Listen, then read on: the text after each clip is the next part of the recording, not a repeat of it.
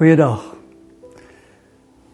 Ons gaan vanoggend praat oor klein dingetjies wat werklik saak maak. Maar voor ons dit doen, die woord van die Here oopmaak, kom ons bid eers saam. Ons hemelse Vader, wat 'n risiko vir 'n gewone mens om die Bybel oop te maak en daarin te soek na die woord van die Here sonder mense wat vanuit ons eie verwysingsraamwerk probeer verstaan wat hierdie groot God vir ons wil sê. Daarom, voor ons dit doen, moet ons elke keer eers stil word en sê: Here, salf ons met u gees. Vul ons harte met u heerlikheid. Open ons geestelike oë en ore sodat ons nie blote woorde wat deur iemand vertaal is na Afrikaans sal lees nie, maar dat ons u stem sal hoor. Die woord van die Here, 'n woord wat nie net in ons situasie tot ons praat nie, maar wat ook ons lewe verander. Amen. Ek gaan volgende 'n gedeelte uit met jou deel uit Jesaja 41. Dit is 'n baie bekende gedeelte. Um, en ek dink vir baie Christene is dit ook 'n baie populêre, baie gewilde gedeelte. Jy my dienaar Israel, Jakob, vir wie ek uitverkies het. Afstammeling van Abraham vir wie ek liefhet. Jy vir wie ek van die uiteindes van die aarde af gegryp het, van sy uithoeke af geroep het. Hoor jy die klomp werkwoorde wat gebruik word? God wat sy hart oor Israel met ons deel. Dis die mense vir wie hy uitverkies het en vir wie hy liefhet en wat hy geroep het van die uiteindes van die aarde af hulle gegryp het. Vir jou het ek gesê vers 9 hier in die einde. Jy is my dienaar. Ek het jou uitverkies. Ek het jou nie verwerp nie. Moenie bang wees nie. Ek is by jou. Moenie bekommerd wees nie. Ek is jou God. Ek versterk jou. Ek help jou. Ek hou jou vas met my eie hand. Red ek jou. Nou dink ek kry jy dadelik 'n idee ook met vir so baie Christene populêre verse want hierdie verse het hom so geweldig baie. Was soveel boodskappe hierin vir verskillende situasies. Ek wil volgende op een aspek daarvan klem lê. Dit maak alle verskil in die wêreld. As 'n mens kan sê, die Here het my gegryp. Hy het my verkies. Hy het my geroep. Ek is sy dienaar en ek is geroep om met my lewe 'n verskil te maak. Ek is geroep om my wêreld anders agter te laat as voordat ek daar aangekom het. Dit draai my kop sodat ek anders na my lewe begin kyk om te weet ek staan in die Here se diens. Oral waar ek gaan verteenwoordig ek hom en die koninkryk gebeur wanneer ek God se wil uitvoer. Iets om oor opgewonde te raak. Nou, hoe kan ek 'n verskil maak? Ek wil voorstel in die klein dingetjies. Daardie dingetjies wat dalk ongemerk verbygaan, wat nooit die koerante gaan haal nie, maar wat die mense om jou anders agterlaat wat hulle seën. En wat daai klein dingetjies is, gaan natuurlik vir elkeen van ons anders wees. So byvoorbeeld as as jou lewensmaat moeg is. Trek sy of haar skoene uit. Maak 'n koppie lekker tee. Vryf die spanning in die nek uit. Wees daar vir hierdie mens wat moeg is. Nou die volgende een is nou eintlik maar vir my bedoel as as iemand in my baan waarna ek ry inry omdat daar voor hom 'n voertuig staan dan is ek nou sommer dadelik te vieste in. Jy kan nie jou beurt afwag nie. Om 'n verskil te maak beteken dink ek ons 'n bietjie terug te sak en te wys, kom gerus. Ons ek wag vir jou. Ek maak ruimte vir jou. Hoopelik gaan die ou wat agter jou is nou nie jou stamper in die proses afry nie. Dalk uh, sit jy voor die televisie en daar's iets wat jy baie graag wil sien En dan kom jou kind of jou skoonma. Hulle wil vir jou iets vertel en eintlik sê hulle nie vreeslik lus om te hoor wat hulle vir jou wil sê nie.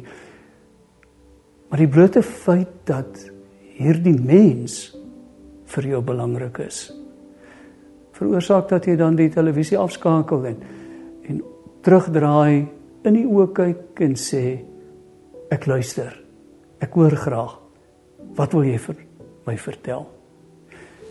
Waarop dit neerkom is dat 'n mens sal luister na jou gewete soos wat jy deur die lewe gaan. Dat jy jou gewete wat geheilig is deur die Heilige Gees se stemmetjie sal volg want dikwels is dit ook die stil stem van die Here wat daardeur met jou praat en hom vertrou dat hy jou in die klein dingetjies sal lei. My ervaring is in die eerste plek laat God jou ander mense raak sien.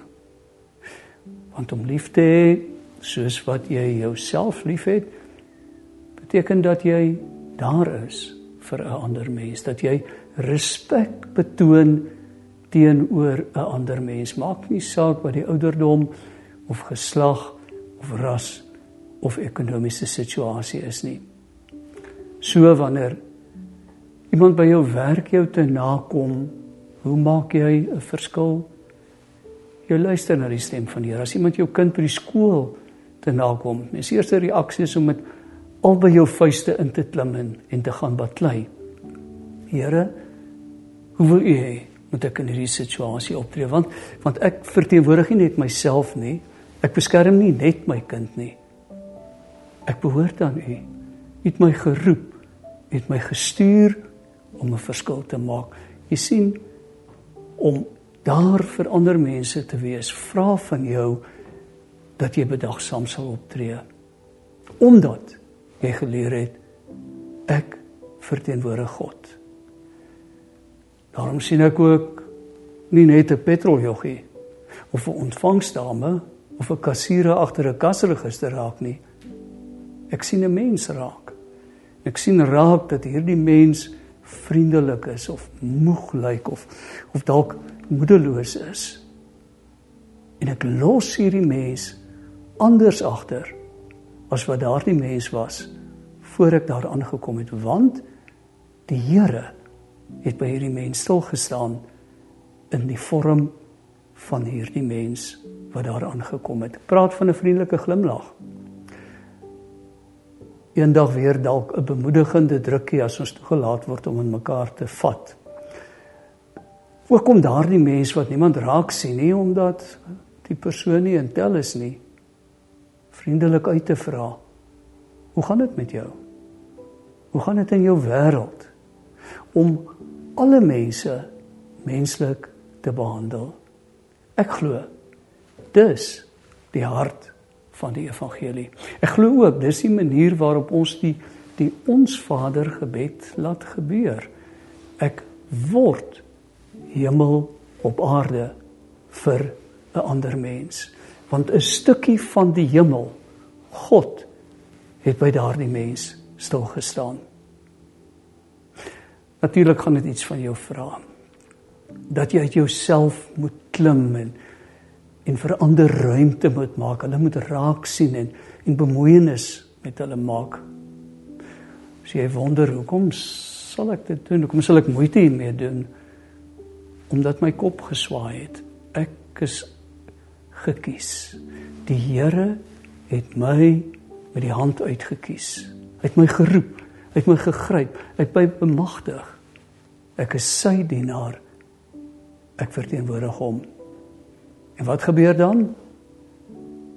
In die proses verruil 'n mens die lewensmoegheid wat wat dalk al hierdie tyd van die jaar by jou tuis gemaak het. Jou perspektiefloosheid vir lewenslus, vir opgewondenheid omdat jy sien hoe jou lewe 'n verskil maak, hoe klein ook al, hoe 'n ander mens geseën word deur jou teenwoordigheid omdat jy besef Jesaja 41 God het my lief. Jesus het vir my gesterf om om te wys hoeveel hy my liefhet en nou het hy my geroep om daardie verskil wat hy in my lewe ingedra het ook in ander se lewens in te dra.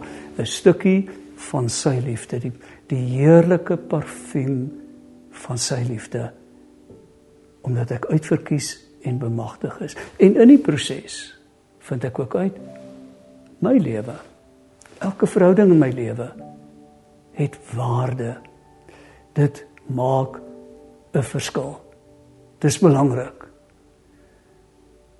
Die sin van die lewe, so dink ek, lê daarin dat ek sê ek is hier op aarde met 'n doel. Ek bestaan nie ter wille van myself nie. Die sin van my lewe lê daarin dat ek 'n verskil maak. Meestal deur die klein dingetjies wat saak maak. Kom ons bid saam.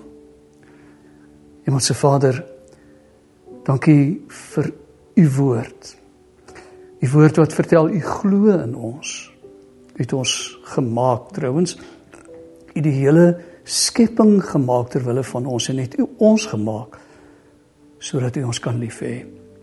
En u liefde as ons toelaat dat dit in ons lewe inkom, verander ons hele lewe. Dit veroorsaak dat ons hele menswees gerig raak op ander mense. Baie dankie vir die voorreg dat ons aan U kan behoort. Gebruik ons, Here, vul ons lewe met U teenwoordigheid, met U liefde, met die geur van U heerlikheid. En wanneer ons dan met ander mense in kontak kom, insluitend ons huismense, dat hulle verskillend agtergelaat word, dat iets van die Here by hulle stil gestaan het. Amen.